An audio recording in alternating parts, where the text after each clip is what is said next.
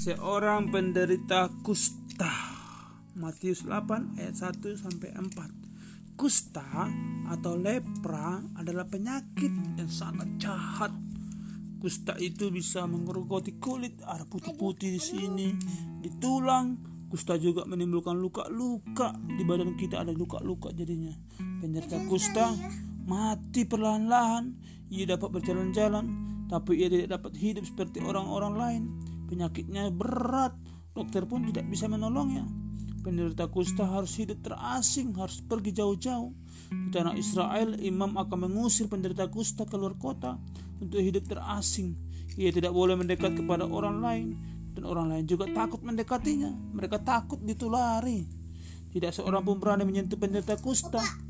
Tidak ada yang mengurusnya. Jadi para penderita kusta sangat susah.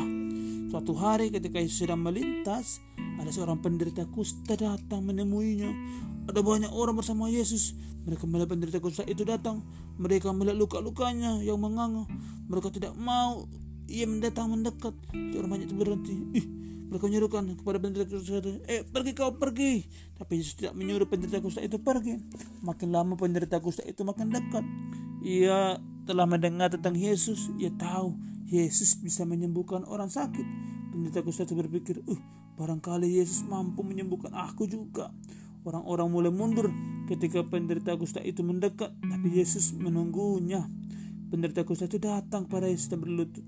Oh, seandainya engkau mau menyembuhkan aku ya Tuhan, jika engkau mau pastilah engkau bisa, dibilang. Lalu Yesus mengulurkan tangannya. Dijamahnya penderita kusta itu, ia menjamah luka-lukanya yang mengerikan. Kata Yesus, aku mau sembuhlah.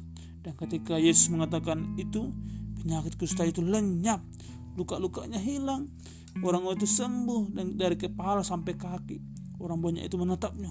Mereka melihat bahwa luka-lukanya semua sudah hilang.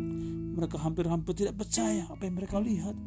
Yesus berkata kepada penderita kusta itu, Pergilah kepada imam, perlihatkan kepadanya bahwa engkau benar-benar sudah sembuh.